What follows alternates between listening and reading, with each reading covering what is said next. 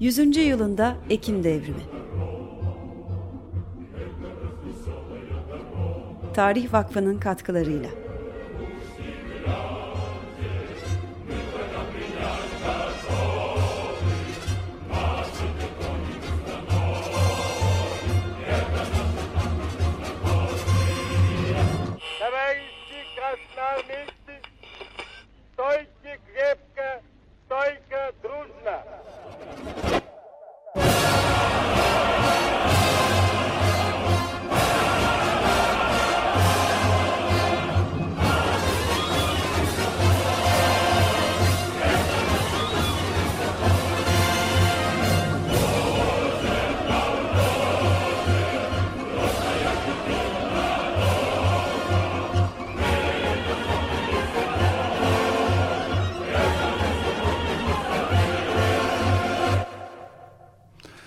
Hoş geldin Doğan. Merhabalar.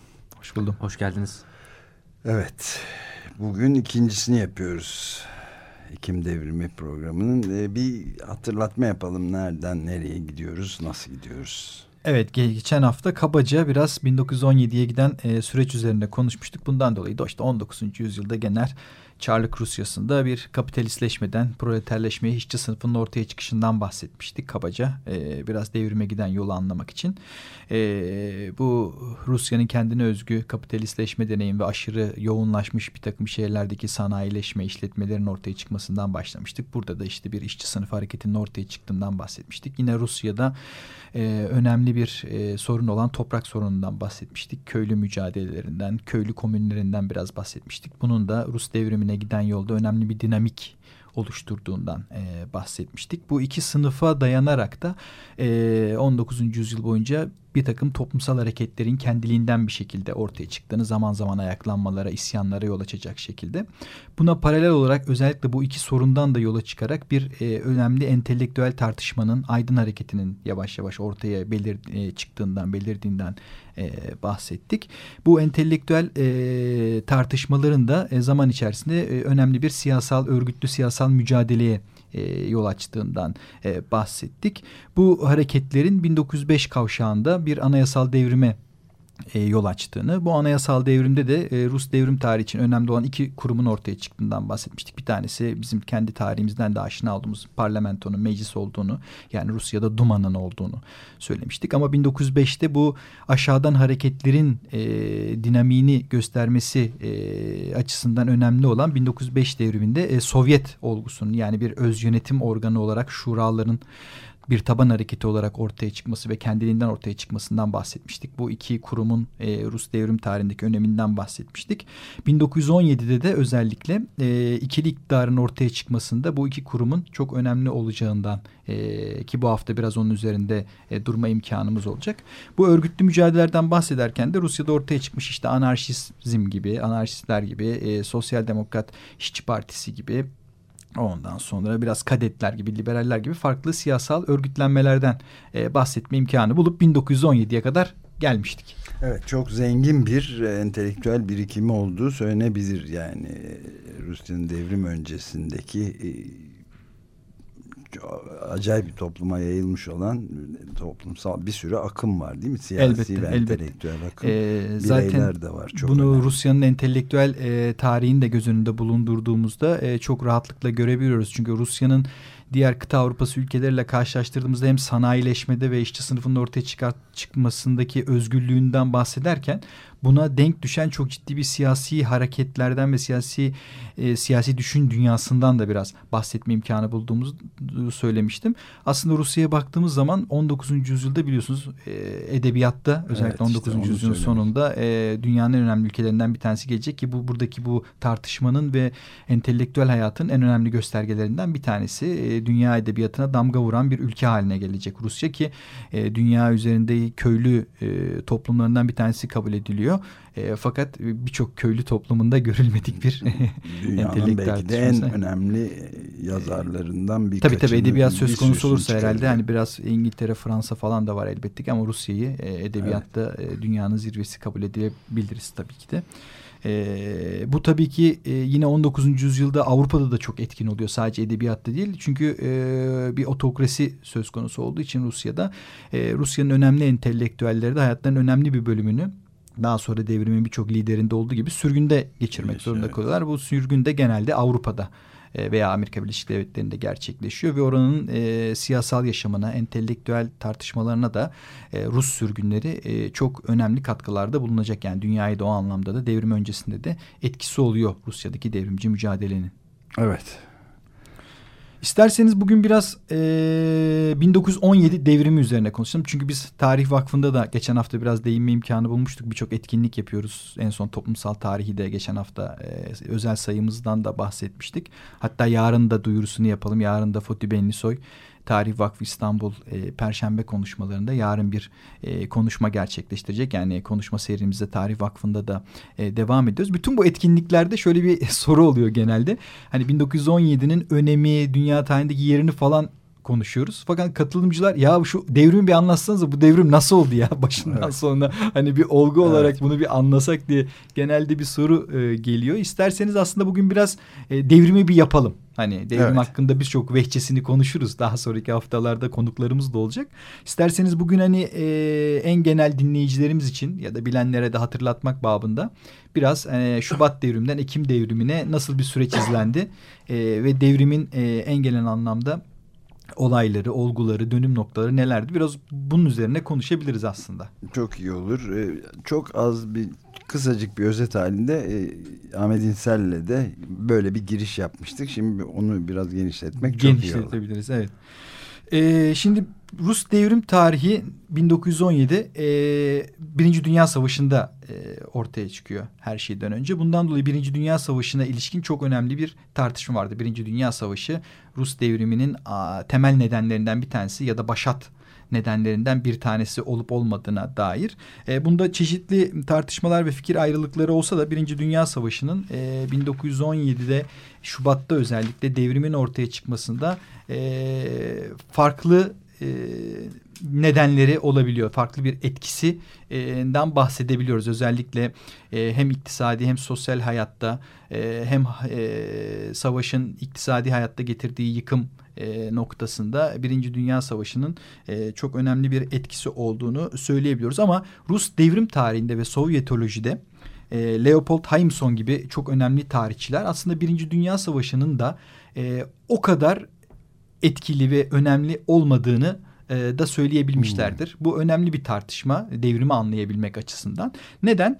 E, çünkü biz devrim öncesinde özellikle 1905 ile 1917 arasında e, çok ciddi bir e, siyasal toplumsal e, hareket dalgalarıyla karşılaşıyoruz. 1905 devriminden sonra özellikle 1905-1906'da çok kitlevi e, bir e, işçi köylü hareketinden özellikle Rusya'da e, bahsetmek mümkün. 20. yüzyılın 20. yüzyıl başının belki de işçi eylemliliği, köylü eylemliliği bakımından en radikal ve en yaygın hareketlerin gerçekleştiği ülke e, Rusya.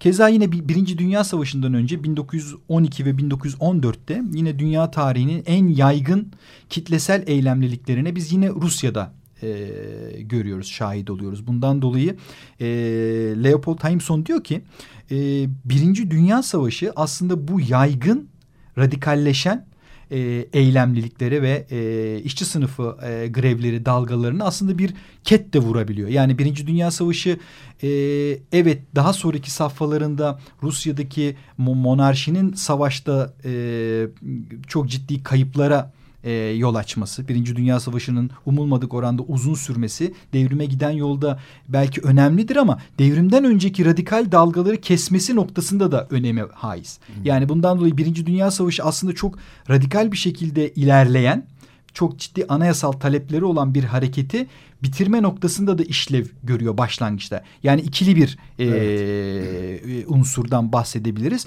1912-14'teki e, yaygın e, direnişleri, grevleri, toprak işgallerini çok ciddi bir milliyetçi dalgayla dünya tarihinden de çok aşina olduğumuz gibi hanedan, Romanov hanedanı özellikle e, 2. Nikola e, durdurmayı başarıyor. Özellikle çok ciddi Rusçu milliyetçi örgütler Birinci Dünya Savaşı'nın başında e, kilise merkezli, milliyetçilik söylemi merkezli etkin olabiliyorlar. Bunlardan bir tanesi işte e, kara yüzler yüz e, insan sureti anlamında değil de sayı olarak kara yüzler mesela çok ciddi e, kiliseci, otokrasi, hanedan yanlısı bir örgüt. Bu tür örgütler çok etkinlik kazanıyorlar ve e, Birinci Dünya Savaşı ile bile bıçakla kesilmiş gibi sosyal hareketlilik e, bitiyor. Bir savaşla ilgili bir seferberlik başlıyor zaten.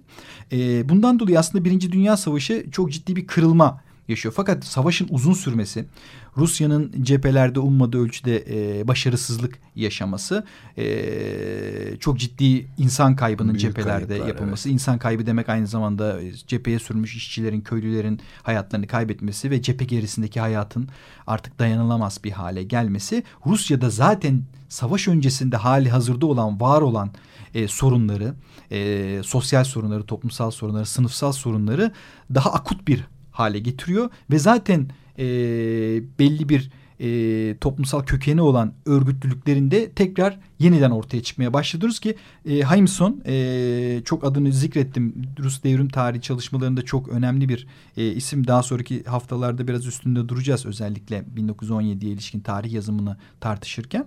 O diyor ki 1915-16'da yani savaş sürerken e, Rus tarihinde daha önceki dalgalarda eşi benzeri görülmemiş çok büyük bir e, kitlesel hareketin ortaya çıktığından bahsediyor. Özellikle e, işçi grevliliği e, mevzu bahis olduğu zaman Taşra'da da özellikle köylü sınıfı içerisindeki hareketliliğin e, çok e, ciddi bir artış e, gösterdiğini e, görüyoruz. Bu da 1917'ye e, giden e, önemli bir e, merhaleyi oluşturuyor açıkçası. 1917'nin başında Şubat ayında e, Şubat devrimi olarak bildiğimiz hadise e, eski takvime göre tabii 23 Şubat aslında bu 8 Mart e, 1917 yani e, Dünya Kadınlar Günü'nde kadınların kendiliğinden bir şekilde ekmek sloganıyla sokağa çıkmaları e, çok e, ciddi bir e, şekilde e, rejimin ve Çarlık e, otokrasinin çöküşüne yol açacak. Ki zaten e, yüzyıllara dayanan Romanov hanedanı 8 Mart'tan bir hafta sonra e, çökecek. Yani hanedan ortadan kalkmış e, olacak. Yani evet. Şubat'ta Birinci Dünya Savaşı'nın içerisinde e, Şubat'ta böyle bir kendiliğinden kadınların e, sim, simgesel ve sembolik eylemiyle e, devrimin başladığını Devrim görüyoruz. Oluyor evet. Evet çok önemli bir şey tabii yani ve kadınların başını çekmesi de ayrıca çok şaşırtıcı da bulunabilecek bir şey çünkü yani kadınlara hiçbir hak tanınmayan bir dünya şeyinden bahsediyoruz. Tabii tabii. Hatta evrensel olarak bütün dünyada yani. E, seçilme, bütün dünyada. Yani seçilme haklarından tutun da sivil hayattaki e, rollerine kadar. Sokağa evet. bile çıkmaları hadise olan bütün dünyada ve devrimin başını çekiyorlar. Müthiş e, evet bir şey yani. yani sembolik olarak ve şeyde de öyle işçi hareketinde de öyle 19. yüzyıl boyunca ve 20. yüzyıl sendikal hareketine baktığımızda da e, kadınlar işçi sınıfının önemli bir kesiminin özellikle tekstil sanayisi Rusya mevzu bahis olduğunda e, hizmet sektörü dışında e, metal sanayi ve e, tekstil sanayi en önemli eylemlilikleri hareketlerin ve örgütlenmelerin gerçekleştiği yer.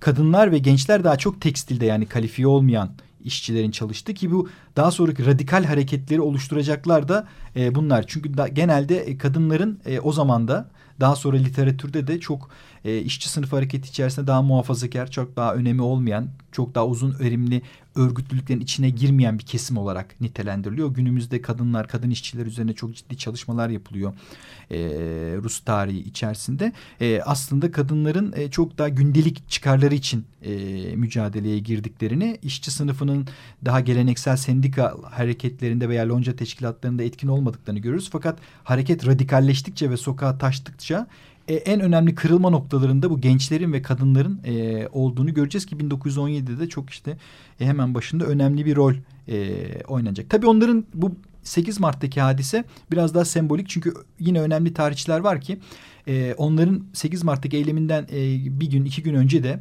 yine Rusya'da St. Petersburg'da o zaman Petrograd'da e, Putilov metal fabrikasında önemli bir grevin e, ortaya çıktığından bahsederler. Yani o bir dalga içerisinde öne çıkmış önemli bir sokak gösterisi e, olduğunun altını çizmeye çalışırlar. Aslında çok ciddi bir e, huzursuzluğun e, ve toplumsal hareketin e, olduğunu Şubat aylarında görüyoruz. Ve 8 Mart'ta eski takvime göre 23 Şubat'ta bu kadınların eylemiyle başlıyor. İki gün içerisinde genel grev gerçekleşiyor. Genel grev Rusya için vakayı adi yani günümüz açısından belki çok radikal gelebilir dinleyicilerimiz ama Rusya söz konusu evet. olduğu zaman Rus 20. yüzyılın başı tarihi genel grevler tarihi yani evet. normal hadise gibi bir şey Rusya'da olan, olan ve bunların çoğu da silahlı grevler yani aynı zamanda silahlı ayaklanmalara da e, dönüşebilen e, radikallikte ayaklanmalar.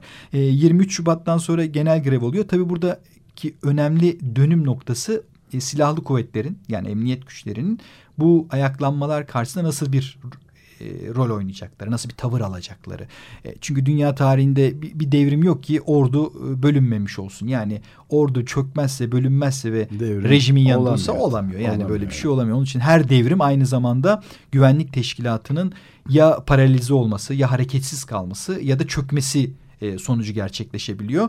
Ki e, bu kadınların eyleminden ve genel grev sürecinde bir iki gün içerisinde çoğu gösteriye silah da e, ateş de açılıyor. Silahlı bir şekilde müdahalede de bulunuyor. Fakat e, 27 Şubat yani devrimden dört gün sonra çok önemli bir olay oluyor. E, Wolinski Petersburg'a gidenler bilir Wolinski çok önemli bir yerdir Petersburg'da. Wolinski'deki alay taraf değiştiriyor. Hmm devrimcilerin safına geçiyor. Bu çok önemli bir kırılma noktası. Neden? Çünkü devrimler tarihinde askerler disiplinsiz olmayı seçtikten sonra artık asker için geri dönüş, dönüş yoktur.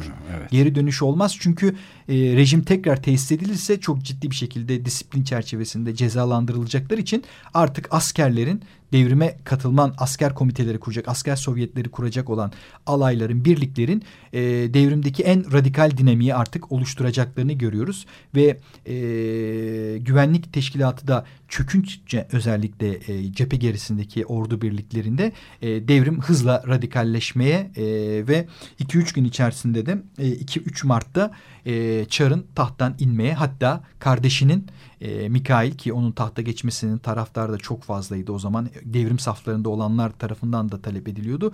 E, o bile e, tahta almayacak. Taht ortada kalacak yani öyle bir e, yıkımdan e, bahsediyor. Düzenin böyle bir çöküşünden e, bahsediyoruz. Evet, bir hafta bir içerisinde. küçük bir parantez açarsak yani o taraf değiştiren birlikte asker askeriyenin içinde de tabii e, anneleri ya da e, çocukları şeyin içinde olan bu kadınlar e, grevinde ve hareketi içinde olanlar da olduğu için. Tabii ki de.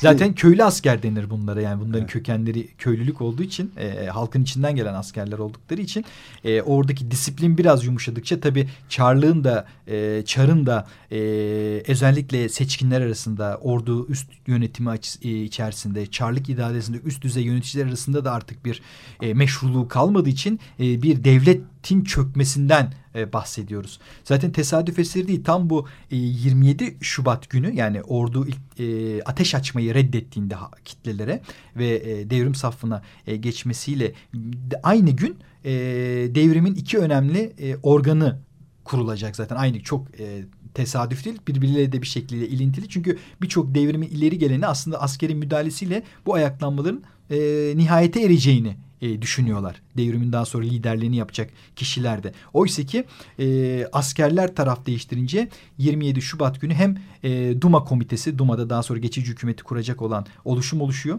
E, hem de Sovyetler kuruluyor. Bir takım sendikaların önde gelen şahsiyetleri özellikle e, evet e, sosyalist hareketin içerisinde önemli olan özellikle Menşevik, Menşevik bazı e, liderlerin teşviğiyle e, Petrograd Sovyeti kuruluyor. Böylece e, ikili iktidar dediğimiz olgu e, Şubat ayı içerisinde hemen 2-3 gün içerisinde ortaya e, çıkmış oluyor ki onlardan birkaç gün sonra da e, Romanovlar tahttan e, çekilecekler e, ve Petrograd'da ikili iktidarla birlikte bir cumhuriyet vari oluşum e, hemen e, akabinde ortaya e, çıkacak. Bu askerlerin konumu e, gerçekten önemli. Zaten Sovyetlerin alacakları ilk kararlar ve daha sonra Şubat'la Ekim arasındaki e, hadiselerde de önemli kırılma noktalarında hep bu savaş ve e, askerlerin e, tutumu rol oynayacak. Zaten biliyorsunuz 1917'nin en önemli sloganları e, barış. Yani ekmek, evet. işçi kontrolü ve toprağın yanında e, toprağın bölüşülmesi talebi e, yanında en önemli talep barış. Barışın e, olmadığı savaşa devam iradesinin ortaya çıktığı her koşulda çok ciddi e, dönüm noktaları yaşanacak ve Ekim'e giden e, yolda da e, askerlerin bu savaş karşıtı tavrı yani barış talebi ve toplumun diğer kesimleri elbette ki e, çok önemli bir rol oynayacak. Sovyetlerin de ilk bildirgesi zaten bir nolu kararı bu askerlerin e, normal işlerine güçlerine dönmelerine dair bir emir çıkıyor Sovyetlerden. Sovyet'in askeri komitesinden. Buna karşı zaten e, gelip Sovyet'i de basıyorlar. Geçici hükümeti değil. Ortaya çıkmış devrimin en önemli organı bile Sovyet'i bile askerler basıp bir nolu kararı çıkartarak e, savaş karşıtı barış taleplerini e, tekrar dillendiriyorlar. Ben bir de şeyi sormak istiyorum. O dönemlerde yani devrimin başlangıcı sırasında ve hemen öncesindeki sofular, e, ruhban sınıfı Rasputinciler onların kuvveti, gücü ve konumları ne alemdeydi? Ee, aslında 27 Şubat'a kadar yani Şubat'ın devrim günlerine kadar önemli bir e, rol oynuyorlar. Önemli güçleri var. Bu Birinci Dünya Savaşı'nın başında da söyledim o kara yüzler gibi birçok kilise örgütü kuruluyor. Hı hı. Paramiliter örgütler kuruluyor. İşçi hareketlerine falan saldıran dünyanın birçok yerinden aşina olduğumuz. Bu devrimle birlikte sanki e, Rusya'dan silinmişler gibi ortadan kalkıyorlar. Yok oluyorlar. Yok oluyorlar. Çok acayip. E, buharlaşıyorlar. Buharlaşıyorlar. Yani, buharlaşıyorlar. E, ve devrim ilerledikçe de e, ortadan e, kayboluyorlar. Yani onları çok fazla artık e, ortada e, görmüyoruz. Çok acayip bir şey çünkü son derece etkili oldukları tabii, biliniyor. Tabii kilise dediğiniz şey Rusya'da evet, çok önemli. Evet. Kurum yani. Kurum. Kurumun aslında e, çökmesinden bahsediyoruz. Çünkü aynı zamanda kurumsal iktidar yani Çarlık'la beraber devletin kendisi de çöküyor. Hatta birçok tarihçi şey der. Ya ikili iktidar da yok aslında ortaya. Evet. Bir iktidarsızlık hali var evet. ki bu geçen hafta da biraz bahsetmiştim aslında. Üçlü iktidar vardır diye. Aslında üçüncü iktidar var. Yani kitlelerin kendiliğinden bir şekilde o, o, oluşturdukları ve sadece Sovyetlerle sınırlı olmayan geçen hafta da biraz değmiştik. Fabrika komiteleri, fabrika konseyleri bunlar en genel anlamda taban örgütlenmeleri. İşçi milisleri hemen kurulacak. Silahlı işçi milisleri güvenliği e, şehirlerde sağlamaya başlayacak. İşçi e, kızıl muhafızlar e, kurulacak. Var olan sendikalar yeniden e, kitleselleşecekler. Aslında çok ciddi bir e, taban hareketinin ortaya çıktığı. Onun karşısında da e, bir, Sovyetler ve geçici hükümet diye iki kurumun olduğu ama genelde e, olayların gidişatını bu taban hareketinin e, bir şekilde güdülediği e, ve son noktada onların müdahalesiyle olayların şekillendiğini bundan dolayı da Rus devrim tarihinin Şubat'tan sonra kitleselleştiği, radikalleştiği ve sola doğru hareket ettiğini görüyoruz ki bu hatta Sovyetlerin bile e, hilafına isteğinin hilafına e, merkezi. Evet, çok ilginç bir şey. Yani bunu herhalde gelecek haftada e, gene e, Ekim devriminin ta, olarak da hı hı. E, nitelendiririz. Burada kesebiliriz belki bitirebiliriz. E, şeyde çok e, yani Ahmet İnsel'le de konuştuğumuzda e, konuşulmuştu. Yani çok kanlı da bir şey değil. Birkaç gün süren bir şey de, de sonradan iç savaşta muazzam başka sorunlar tabii, olacak. Tabii. Ona da e, gireriz. Genelde herhalde. zaten büyük bütün devrimlerde evet. ilk devrimci dalganın olduğu gerçekleştiği an çok kansız ve şey olur. Daha sonra müesses nizam buna karşı durmak için biraz harekete geçtiğinde bir iç savaş evet, e, ortaya çıkar ve tayin müesses. edici savaşta o kan da orada dökülür evet, zaten. Kan bir Belki. de ben şeyi sormak istiyorum. Yarın perşembe konuşmalarında konuşulacak olan konu hakkında tekrardan bir ufak bilgi verebilir misiniz? Evet Fatih Benlisoy yarın biraz e, Rus devriminin bugünden algı algılanışı bugün nasıl ele alınıyor veya nasıl görmek gerekir e, çok farklı bir şekilde alıyor. Biraz nostalji boyutuyla e, ele almaya çalışacak. E, çünkü bugüne kadar biraz ne oldu üzerine tartışma imkanı bulduk. Bu haftada bugünden e, geriye dönük e, nasıl ele alınıyor, nasıl bakılıyor biraz onun üzerine konuşmaya çalışacağız. Evet, evet herhalde Foti'ye şeyi de sorarız yani katılanlar sonra bugün e, niye hiç kutlanmıyor filan Rus, Rusya'da sıfır. ya da dünyanın her yerinde ve evet. biz bu programı niye yapıyoruz onu da, onu da biz konuşmak Ruslardan daha fazla ilgiyle evet. izliyoruz. Günümüz dünyasıyla ilişkili bugün bu hadise üzerine çok fazla konuşuyor olmamız aslında. Marmara Belediyeler binasında 16 Kasım 2017 yani Perşembe günü yarın 18.30'da. Evet Eminönü'nde e, Galata Köprüsü'nün hemen yanındaki üç binadan bir tanesi. Onu da öyle. Evet. Teşekkür Çok ederiz. teşekkürler ben teşekkür Doğan. Ederim. Görüşmek üzere haftaya.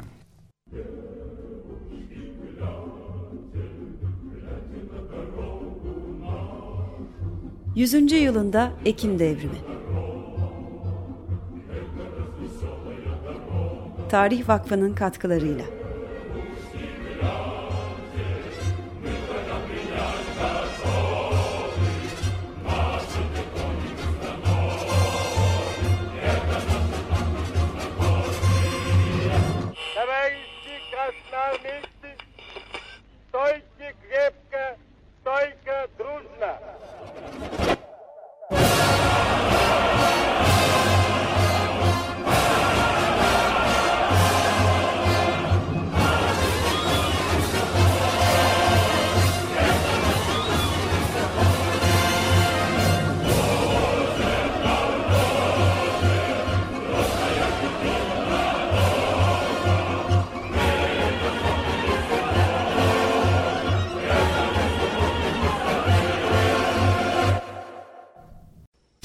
Radyo program destekçisi olun.